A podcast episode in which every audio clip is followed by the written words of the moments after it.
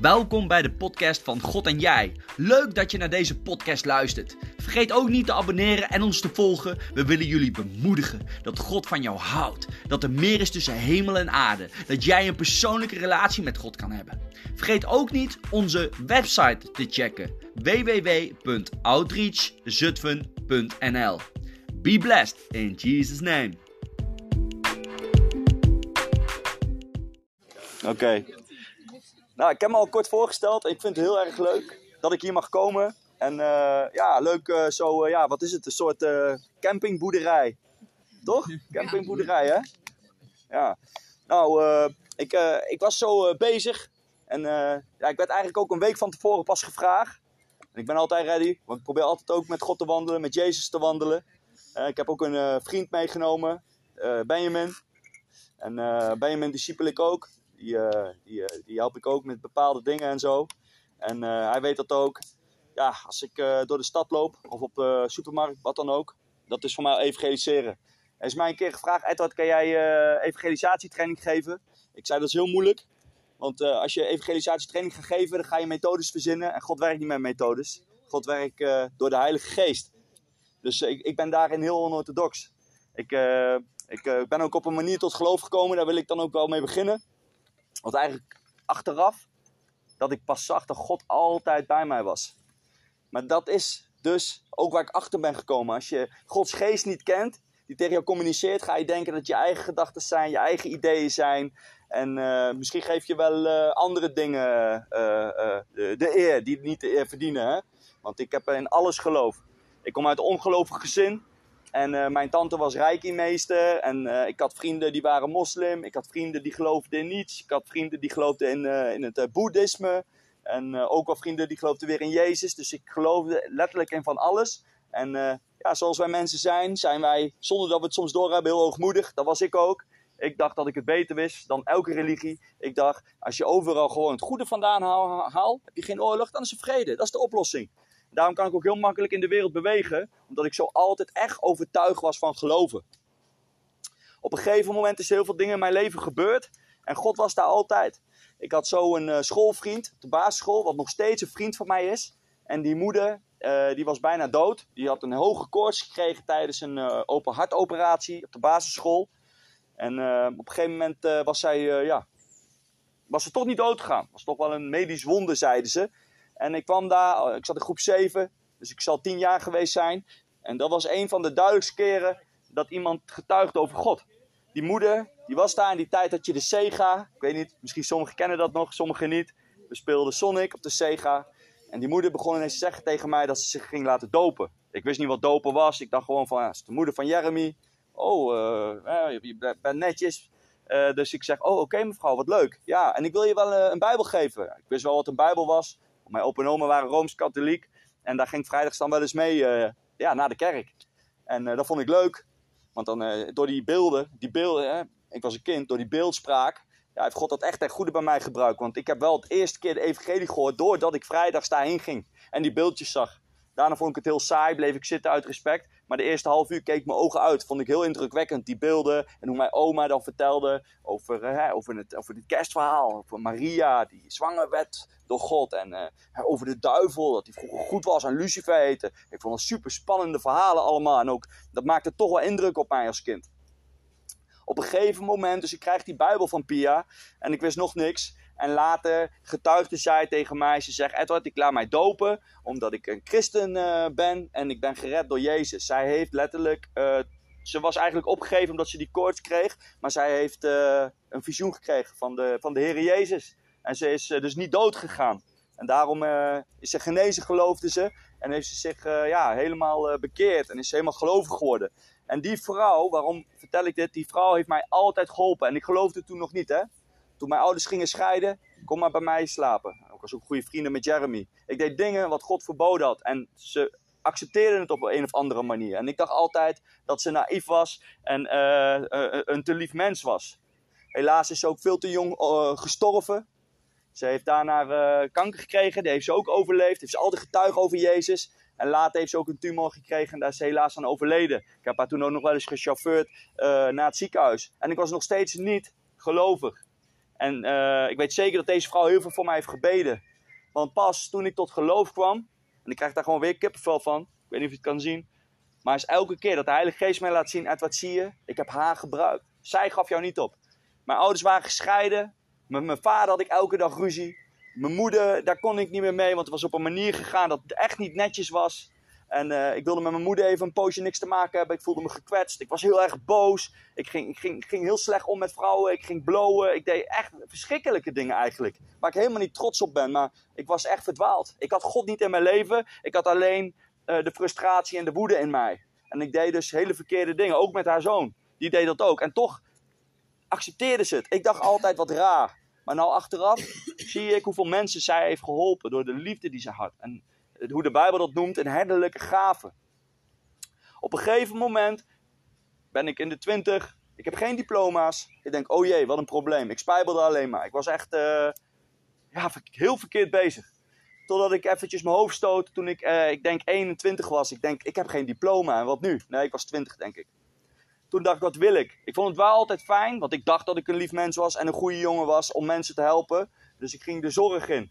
Nou, die heb ik ook uh, gehaald, want ik was heel erg geschrokken dat ik ja, tot nu toe niks had gebakken van het leven. Ik had die diploma gehaald, maar uh, later uh, dacht ik ook weer van, hé, hey, ik deed ook veel aan sporten. Misschien is sport toch wat meer voor mij. Dus ik ben SEALS gaan doen. En ondertussen was ik de hele tijd zoekend.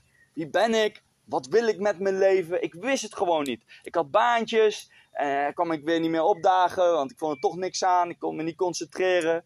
Totdat ik uiteindelijk op een gesloten afdeling ging werken met dementerende ouderen. Ik had daar papieren voor. En daar kon je mooi combineren met die andere uh, uh, studie op SIOS. Wat dus een sportstudie was. Ik ga een weekend daar werken en ik mocht op een vaste afdeling werken. En ja, ik, ik hou erg veel wel van mensen. Dus ik zag die oudere mensen en ze vertelden over de oorlog. En uh, ik kwam erachter dat vroeger dus de, de, de verkeerspolitie gewoon in Porsches reed. Gewoon in Nederland. Want er was zo'n heel oud mannetje, die liet die foto's zien. Ik zei, wel de stad? Ja, ik heb bij verkeerspolitie gewerkt en reden we gewoon in Porsches. Dus echt heel, heel leuk en mooi. Totdat het op een gegeven moment kleinschalig ging. En dat lijkt heel erg mooi, ziet voor het oog mooi uit. Maar je hebt dan helemaal geen tijd meer voor de bewoners. Je bent letterlijk alleen maar aan het werken. Je moet het zo zien. Toen ik begon had ik twintig oude mensen die zorg nodig hadden. Maar ik had altijd een collega. Dus ik maakte altijd even tijd vrij. Want ik had gewoon mensen, ook al zijn ze dement. Heel veel leefden echt op dat moment. En hadden echt wel door wat er gebeurde. Niet allemaal, maar ook veel wel. En dus die hadden ook schaamte. Die wilden soms niet in de groep. Maar die wilden met jou even apart op hun kamer zitten. En daar maakten we tijd voor. Ik vond dat heel belangrijk. Want ik deed dat werk niet alleen voor het geld. Ik deed dat werk echt met mijn hart. En op een gegeven moment uh, gingen we dus kleinschalig en toen kon dat niet meer. Je had maar tien mensen, maar in je eentje. Dus je moest elke keer haasten. Je kon niet van de, van de, van de afdeling af. Want dan gingen ze of ruzie met elkaar maken, of er ging wat mis, of iemand viel. Of, nou ja, vul het maar in. Het was een heel, uh, wat dat betreft heel afwisselend, uitdagend en mooi werk. En toen gebeurde er iets waar ik eigenlijk ook bang voor was. Want die dingen waren niet gebeurd als je met iemand op de, met een collega op de zaal was. Mijn vrouw was zonder rollator naar de wc gegaan. Dat deed ze vaker, dat vergat ze. Ik pak de rollator, ik loop naar de wc en ik zie allemaal bloed op de grond. Ik schrik me natuurlijk helemaal een hoedje. Ik haal de zuster erbij. En uh, de zuster, uh, ja, achteraf bleek dus dat ze ook nog eens de heup had gebroken. En ze zei tegen mij, hier kan jij niets aan doen. Maar ik vond het zo erg dat ze dat zei, omdat ik zag al dat die dingen gebeurden. Dat ik boos werd. Iets wat, al, wat ik wist dat ging gebeuren. Ik zei, hier kan ik...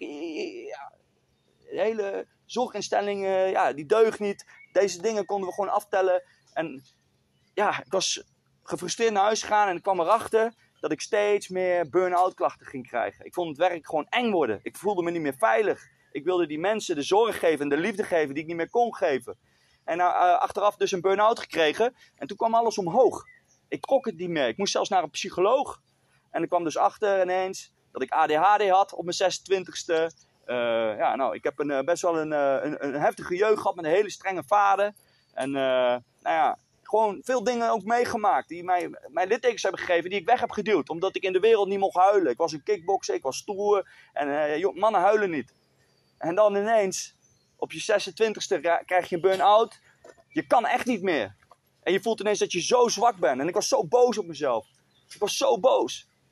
Dat ik ik had doodswensen. Ik vond het gewoon niks meer aan. Ik vond het leven oneerlijk. Noem het maar op. Ik was echt gewoon zo boos dat ik afgleed. Op een gegeven moment was het zelfs zo erg dat ik als echte sportman weer dacht: als dit het leven is, laat maar zitten. Ik ben weer gaan blowen, drinken. Ah, ik heb van alles gedaan wat echt niet goed was. Totdat er een meisje ineens kwam en die zei tegen mij: Ken jij Jezus? Ik zeg tegen dat meisje: Ja, die ken ik wel. Ik ben wel eens naar de kerk gegaan. En ik, mijn opa en oma zijn rooms-katholiek. En eh, wat ik vertelde over Pia. Dus ik dacht wel dat ik het wist. Maar ik dacht ook wel: van elke religie maakt altijd oorlog. Geef mij maar gewoon van alles wat goed is. Dat is beter voor, voor, uh, voor de wereld. Totdat zij dus zei tegen mij: Ga je ook naar de kerk? Ik zei: Nee. Wil je zondag met me mee? Ik zei: Is goed. Op dat moment was ik ook alles kwijt. Ik was een zwerver. Ik, ik, woonde bij mijn oma. Ik woonde bij een vriendin. Noem maar op. Ik was helemaal de kluts kwijt, letterlijk. En uh, ik kom een kerk binnen. En die kerk was in een bioscoop. Dus ik dacht al bij mezelf: hè, huh? bioscoop, wat gek. En nou ja, het zal wel. En nou, dan zit je ook helemaal zo schuin en donker. Ah, er wordt muziek gemaakt en ik zie ook inderdaad mensen dansen. Ja, en ik ging op dat moment naar GG net. Dus ik dacht bij mezelf, nou, ik uh, ben niet helemaal jovel, maar uh, deze gast er uh, ook niet. Oké, wat gebeurt er nu? Totdat op een gegeven moment, ik weet niet wat het was. Ik denk geen eens dat door de preek kwam, maar ik begon te huilen op een manier dat ik misschien wel eens heb gedaan in mijn leven, maar in ieder geval niet kan herinneren. En het was zo fijn, want ik kon niet meer huilen. Ik had, mijn, mijn, mijn hart was echt van steen geworden. En ik was zo aan het huilen. Ik dacht, wat is dit? Ik wist, ik wist dat van God was. Maar ik wist ook ineens toen ik weer naar huis ging, dat de duivel komt om te roven te stelen. Wat de Bijbel ook zegt, hè? sommige zaad valt op die grond en op die grond. Hè? Ene grond is niet goed, andere grond wel. En ik moest er alles aan doen toen ik naar huis ging om dat zaad te beschermen. Want al mijn vrienden lachten mij uit. Want die deden alleen maar blowen, gekken en we gingen alleen maar stappen. En nou, eigenlijk waren het geen vrienden, maar dat dacht ik. En ja, mijn moeder die dacht dat ik bij een secte zat, noem het maar op. Maar één ding wist ik wel. Ik ga volgende week weer daar naartoe. En ik ging ook echt, zonder dat ik het wist, echt bidden. Ik kon alleen nog maar praten met God. Ik kon alleen nog maar bidden met God. Ik was zo aangeraakt. Ik dacht, wow, wat was dit? Maar ja, ik ging ook twijfelen. Kom het door in de put waar ik zit? Kom het door die energie? Noem het maar op. Die week ga ik weer en God deed het weer. Ik brak, ik huilde. En toen ik kalm was, toen nam dat meisje mij mee. Want zij was de enige die het zag en tegen wie ik het zei. En verder mocht niemand het weten. En ik ging naar zo'n leider. En die zei tegen mij, en toen bevestigde God dat echt aan mij. Van, ja, wat jou overkwam, dat hoor ik vaak. Weet je wat het is? Ik zeg, nou, wat is het? Dat is de liefde van Jezus. Bam! Ik begin weer te huilen. En sinds die dag, sinds die dag, wat nou bijna tien jaar geleden is, ben ik alleen maar de straat op om over Jezus te vertellen. Ben ik, noem maar op wat ik allemaal doe. En mijn moeder, die dacht echt dat ik bij een secte was. Mijn moeder had dat nog nooit gezegd, maar die zei: Ik wil niks meer mee te maken hebben. Gooide de deur zo hard dicht dat de ramen eruit sprong. En ik bleef kalm. Het was alsof de Heer. Ik had vooral, hè, dat noemen ze. Ik weet niet of hier ook uh, mensen zitten die, die, die uit, een, uit de, echt letterlijk uit de wereld zijn aangeraakt door God. Maar ik, ik ben zo iemand. En ik heb ervaren hoe God mij ging trainen. Want ik, ik, ik, ik dacht echt. Ik ben opgevoed als ik 15 was. Zo is de wereld nou eenmaal. Kreeg ik van mijn moeder condooms. Weet je wel? Niet omdat mijn moeder slecht is of dat mijn vader slecht is, maar zo is de wereld. Die, die, die heeft God niet. Die, die doet gewoon. Hè? Ik, ik, ik was heel erg rebellerend tegen de Bijbel. Zonder dat ik dat wist. Want ik was in, in, in mijn beleving een goed, een goed iemand. Totdat ik de Bijbel ging lezen. En de Heilige Geest voelde echt als een relatie. En ik kwam erachter, door die liefde van God, die eerste liefde, dat ik moest veranderen. En ik las toen een keer een verhaal. Dat was deze. Jezus wordt uitgenodigd bij een fariseer in huis om te eten. En fariseeërs, dat weten we wel, dat zijn zogenaamd de dominees van tegenwoordig, of de, de pastoors, of de priesters, de mensen die God erkennen. En Jezus gaat mee, Jezus gaat in dat huis eten en onuitgenodigd komt er een vrouw binnen. En die vrouw schijnt nog wel een uh, typetje te zijn, uh, waar je niet mee gezien wilt worden, zeg maar. Wat, wat ze was, weet ik niet, vul het maar in. Maar in ieder geval een zondaar in de ogen van de fariseeën. Een hele erg zondaar. En zij komt binnen, ze begint de voeten van Jezus te wassen en te kussen en, en te zalven. En dan ineens weet Jezus wat die fariseeën denkt. En Jezus zegt iets. En ik moest huilen toen ik dat las. Die zei, de mensen van wie de meeste zonden zijn vergeven, zijn te herkennen dat ze meer van mij houden. Want heb ik een zoen van jou gekregen? Heb jij mijn voeten gewassen? Deze vrouw deed dat. En het was alsof de Bijbel tot mij sprak. Hij zei: Edward, ik heb jou gered uit dit leven. Wil je mij volgen? Wil je mijn ambassadeur zijn? Wil jij uitstrekken om het verschil te maken? Zoals dat meisje alleen tegen jou zei: Ken jij Jezus? En dat heeft zo'n indruk op mij gemaakt. Als zij niet het lef had gehad om alleen dat te zeggen. Want ze ging helemaal niet evangeliseren, alleen maar dat. En daar ben ik haar de dag van vandaag heel erg dankbaar voor. God gebruikte haar. En ik had zoiets, God, gebruik mij. En ik ging lezen en ineens staat het ook in de Bijbel. Dat mensen zeiden, God gebruik mij. Ik, dacht, ah. ik merkte dat de Heilige Geest zo in mij kwam. Omdat ik geloof dat Jezus de Zoon van God was, gekruisigd was, voor mijn zon uit de dood is opgestaan. Dat de Bijbel al in mij ging leven. Alleen het moest bevestigd worden door het te lezen. Door het te kauwen.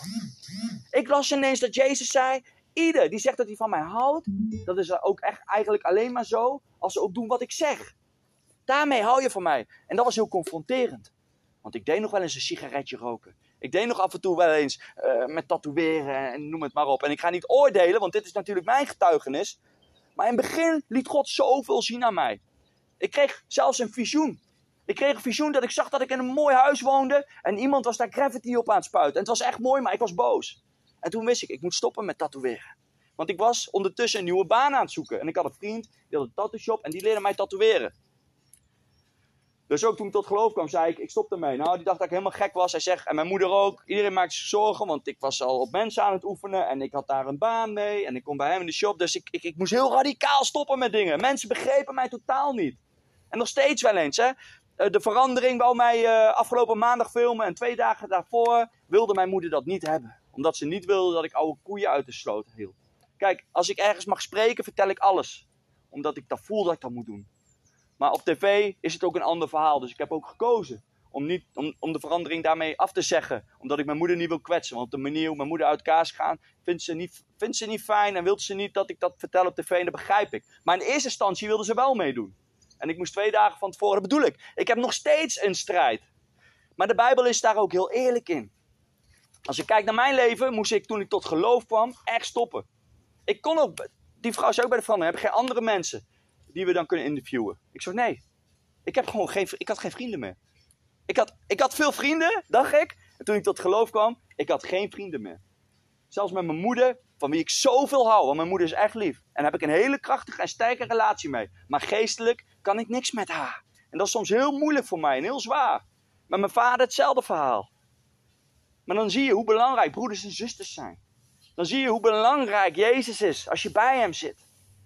En dan ga je ervaren hoe machtig en krachtig God ons wilt gebruiken. Want ik ben, ik ben, ik ben echt letterlijk een zondaar. En nog steeds val ik wel eens.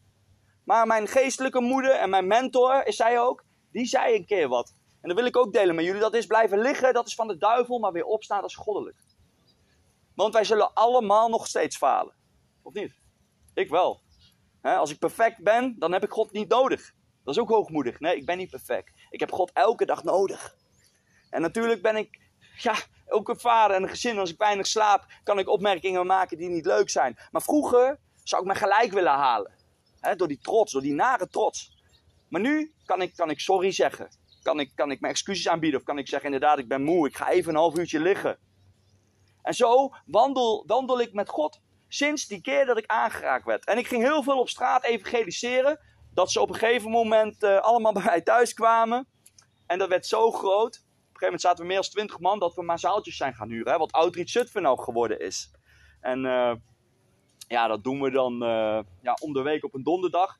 En daarom ook, vanuit mijn getuigenis begrijp je misschien ook, dat ik niet daarom een, een, een voorgang of een kerk wil hebben. Nee, ik kies ervoor om bijvoorbeeld in zo'n hut te zitten, dat om te bouwen met allemaal bankstellen, koffiekannen, thee, ranja, lekkere cake, lekkere chips op tafel.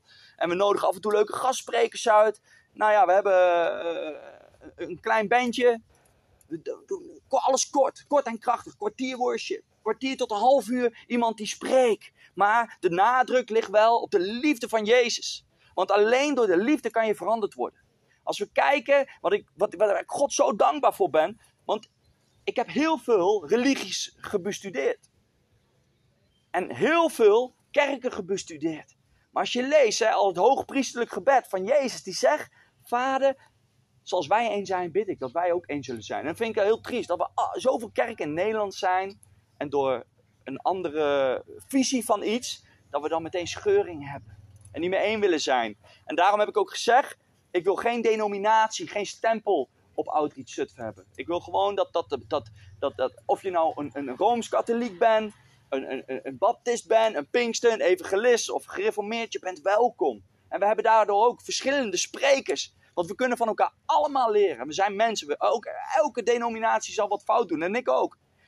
En uh, ja, we hebben heel veel vrucht mogen hebben. Waaronder Robbie, die ik vertelde. Maar ook uh, andere jongens en meiden die daar gedoopt worden van de straat. Uh, uh, iemand die bij een motorbende zat, bekeerde en tot geloof kwam. Iemand die een hooligan was van een voetbalclub, die tot geloof kwam en die ik mocht discipelen. Dus ik probeer heel erg daartussen uh, te bewegen. En ik ben ook helemaal in het begin gestopt met werken, omdat dit ineens een fulltime baan werd. En dus ook van een vriendenkring ging ik leven. Maar oké, op een gegeven moment heb ik ook veel strijd thuis. Mijn vrouw kreeg een burn-out, moest stoppen met werken. En gelukkig, dat zie je ook weer, dat ik die sportopleiding heb gedaan. Die komt nu zo goed te pas. Want ik kan altijd parttime werken. En daardoor werk ik ook elke dag een paar uurtjes in Apeldoorn en in Zutphen. Geef ik personal training. Maar dat doe ik allemaal eigenlijk om mezelf vrij te zetten om de straat op te kunnen. Om te spreken, eh, eh, waar dan ook. Maakt me niet uit waar. En uh, ik wil ook heel graag een uh, volgend filmpje laten zien. Dat is van Pjotte. Kennen jullie Pjotte die rappen? Ja, dat is een vriend van mij. En die uh, heeft speciaal een heel kort filmpje ook gemaakt. Om jullie ook te bemoedigen.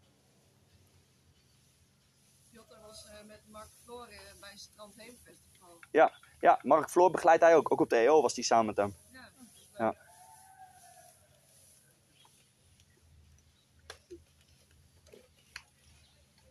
voor jullie gemaakt, dit, hè? artiest, ik maak muziek. Uh, excuses voor mijn stem, ik ben een beetje verkouden en net wakker. Maar Edward die heeft me gevraagd of ik wat wilde delen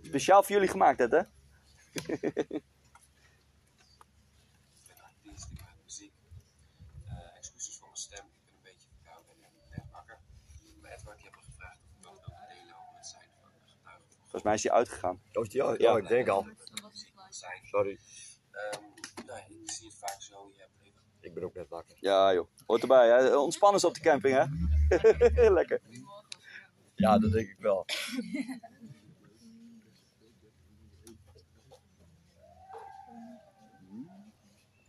Elizabeth en die delen heel duidelijk Jezus' naam en die vertellen heel duidelijk van God. Goedemorgen, mijn naam is Piotr, ik ben artiest, ik maak muziek. Eh, excuses voor mijn stem, ik ben een beetje verkouden en net wakker. Maar Edward die had me gevraagd of ik wat wilde delen over het zijn van een getuige van God. En ik ben heel blij dat ik dat met mijn muziek mag zijn. Ehm, nou ja, ik zie het vaak zo, je hebt evangelisten en ehm, die delen heel duidelijk Jezus' naam en die vertellen heel duidelijk van God. En dat is hun manier, dat is waar zij goed in zijn. En voor mij is dat niet helemaal mijn manier. Ehm, ik vind dat misschien soms ook gewoon te spannend. Maar ik ben heel blij dat ik met muziek eh, midden in de wereld mag staan. Muziek mag maken met iedereen, voor iedereen. En eigenlijk mag vertellen van Gods normen en waarden. Ik hoop dat ik daar mensen mee mag inspireren, daarmee mensen mag raken. Zonder dat ik direct gelijk vertel dat ik christelijk ben. Of ja, zonder dat het gelijk christelijke muziek is. Daardoor kan ik eigenlijk iedereen berei- bereiken en iedereen inspireren. Dat zie ik als mijn taak, als mijn missie. Daarnaast denk ik dat als je een getuige bent van God, dat je ook heel erg een getuige bent met je handelen, met je daden. Dus ben je eerlijk, ben jij integer, ben je man van je woord? Hoe, hoe praat je over anderen? Excuus. Dat zijn allemaal hele belangrijke dingen. En daar probeer ik zelf bij stil te staan. Zonder dat ik direct heel erg aan het evangeliseren ben, probeer ik een getuige te zijn. Allereerst met wie ik ben en hoe ik ben, hoe ik met mensen omga. Daarnaast met hoe ik praat, ehm, de verhalen die ik vertel in mijn muziek. En dan vind ik het mooi om dan af en toe subtiel te benoemen dat de bron van dat alles God is. En dat ik het voor Jezus doe. Maar ik denk dat het eh, in ieder geval voor mij heel erg begint met hoe ik met anderen omga en, en hoe ik in die wereld sta. En dat ik anders probeer te zijn dan zij. En ik denk dat ze dat vroeg of laat wel gaan zien. En dat je op die manier eigenlijk al een getuige bent. Ehm, ik wens jullie nog een hele fijne dag. En ik dank jullie dat ik eh, iets met jullie mocht delen. Ciao. Ja, mooi hè? Piotr is een eh, bijzondere jongen. Voordat hij doorgebroken was, hij gaat ineens heel snel. Ik denk net dat hij echt twee jaar echt doorgebroken is. Maar daarvoor eh, ja, hadden we ook meer tijd. Toen, toen wist ik al, hij wist ook, God ging hem gebruiken. Een, heel bijzonder podium, gewoon midden in de wereld. En daar getuigt hij gewoon over Jezus. Maar wat hij al zegt, subtiel. Onder andere, ik mocht eh, eh, vorig jaar op zijn huwelijk was ik uitgenodigd. En dan zit daar Snelle en andere gasten, allemaal die rappers. En allemaal, want dat vond Piotr belangrijk, dat er eh, geëvangeliseerd moest worden. Zodat zij ook zouden horen over Jezus. En dan eh, ja, gingen ze trouwen, maar wel in een dienst dat er over Jezus werd gesproken. En hoe je God het huwelijk heeft bedoeld. En eh, heel bijzonder dat hij daar ook echt voor koos, zei hij ook tegen mij. En eh, ik, ik, ik, ik wil de nadruk dus echt op leggen, ook voor jullie. Want jullie hebben nou zo'n mooi kamp gehad. En ik hoop dat jullie vol zijn van, van God, vol zijn van dit vuur van de Heilige Geest. Dat ook hier weer een, een, een, markering op je leven mag komen. Dat je niet voor jezelf houdt, maar dat je het, ja, hè, ik schreeuw het letterlijk van de daken, maar wat Piotr ook zegt. Misschien heb je wel een gaaf en een talent. Hè? Het is ook een manier, hoe ga je met mensen om? Hoe maak je muziek? Hoe praat je? Waar luister je naar? Wat doe je? Dat is ook een getuige. Waar ik net al mee begon, daar wil ik mee afsluiten. En dat is het volgende. En heeft iedereen door hoe kostbaar ons geloof is? Hebben we door hoe kostbaar Jezus is? Want ik zie zoveel christenen, helaas, vandaag.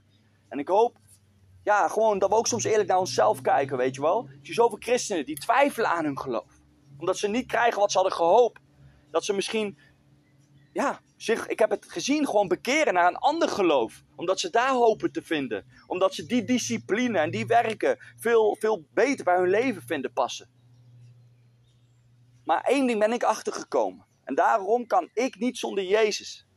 Want ook mijn baas in Zutphen is een Nederlandse jongen die zich heeft bekeerd tot een moslim. En hij heeft met mij heel vaak over het geloof. En met mij ook over van, hé, hey, waarom lees je de Koran niet? En dit niet, en dat niet. Weet je wel? Maar ik ken de Koran wel een beetje. En in, in, in, in, in de andere, in Apeldoorn, daar is uh, uh, de baas, die heeft heel veel boeddhistische dingen en zo. Maar die wilde een Bijbel van me hebben. En die zei, hé, hey, daar is iemand, vertel hem over Jezus. Dat je denkt, huh? Maar in ieder geval, wat wil ik hiermee zeggen? Als wij gewoon een goed mens proberen te zijn en weten dat er een God is en blijven zoeken, dan zal je altijd zoeken blijven. Zal je altijd, en misschien kom je heel ver met discipline, want ik had veel discipline. Ik kwam heel ver met discipline. Maar uiteindelijk was ik gebroken. Uiteindelijk geloof ik zeker dat iedereen zal breken. Ook heb je zoveel discipline. Heb je zoveel discipline om af te vallen? Misschien lukt je dat wel vijf jaar, misschien wel tien jaar, maar uiteindelijk word je misschien toch weer dik. Dan denk je, ah, ik heb weer discipline nodig. Of noem het maar op, in wat voor tak van, van doen of, of zo. Maar dit is zo kostbaar, ons geloof. En dat heeft geen één andere religie. En daar ben ik God zo dankbaar voor. Het gaat niet om hoe rijk je bent. Het gaat niet om de genezing in jouw vlees. Het gaat niet om een groot vliegtuig of een groot bereik in mensen. Het gaat om het eeuwig leven. Geen één religie kan zeggen: het is genade, je hebt eeuwig leven. De moslims zijn vrienden ook van mij, lieve mensen, maar moeten veel bidden. Mogen dat niet eten, mogen zus niet. Heel veel werken en dan hopen ze nog dat ze goed geoordeeld worden. Boeddhisten hopen dat ze verlicht mogen worden. En steeds meer verlichting mogen hebben. Geloven in reïncarnatie. En ja, pas maar op, als je verkeerd mens bent, word je misschien geboren als een, als een maai. Maar wij hebben sowieso, al ga je hier weg en doe je niks met jouw geloof. En daarom zegt Jacobus ook, dat is een doodgeloof. Dat wil niet zeggen dat jij verloren bent. Nee, maar je hebt wel een doodgeloof. Maar zoveel houdt God van de ziel. Dat hij zijn zoon stuurde, Jezus Christus. En dat alleen maar hoeft aan te nemen. Dat zijn ook de enige voorwaarden om te dopen. Lezen we als Filippus dat uitlegt in handelingen. Bekeer je en laat je dopen als je Jezus Christus hebt aangenomen als je verlosser. Dat je gelooft dat hij uit de dood is opgestaan en, en de zoon van God is. Aanstaande donderdag mag ik ook iemand dopen, omdat hij aanstaande donderdag bij Outreach Zutphen tot geloof is gekomen. En ik heb haar een stukje nog gediscipeld en donderdag ga ik haar dopen, omdat ze dit gelooft. En dan staat er niet dat God zegt, ja, en nu moet je nog dit niet doen, dat niet doen, zus niet doen, zo niet doen. Nee. Dan zegt hij, oké, je bent gered, je ziel is gelukkig gered. De duivel heeft niet van jou gewonnen wat hij dacht te winnen meteen, want er is een strijd gaande, hè, wat Paulus zo mooi zegt in Efesië 6. Een geestelijke oorlog. Er wordt gestreden letterlijk om onze ziel. En door Jezus heb je het eeuwig leven. En alle discipelen zijn geen miljonair geworden. Nee, nog erger. Allemaal vermoord, gemarteld. Alleen Johannes is oud geworden op Patmos, maar wel verbannen. Dus er is misschien wel een roeping op jouw leven. Maar als jij honderdvoudig vrucht wilt dragen, dan word je getraind als een commando. En dat is pijnlijk. Dan vraagt God misschien wel aan mij en aan jou: ben jij ook bereid je leven te geven? Ik moet eerlijk zijn, ik kan dat nog niet. Maar ik zou dat wel willen. Waarom zou ik dat willen? Omdat ik weet dat Jezus mij heeft veranderd. Omdat ik zie, omdat ik uitstap, hoe God mensenlevens kan veranderen. Hoe God mensenlevens kan inzetten om van slechte mensen goede mensen te maken. Jo- Benjamin weet ook, ik heb een t-shirt gekocht. Waar je ziet, misschien hebben jullie dat wel eens gezien, Jezus midden bij al die superhelden. En dan staat er zo'n stripwolkje. En that's how I save the world. Ik heb die vaak aan met evangeliseren. En dan zeg ik, elke superheld kan maar één ding. En dat is de slechterik in de gevangenis zetten. Maar deze Jezus maakt van een, van een ook weer een superheld. En wij zijn zo bedoeld. En dat is de grootste geschenk die ons christelijk geloof heeft. En dat is pure genade. Het eeuwige leven.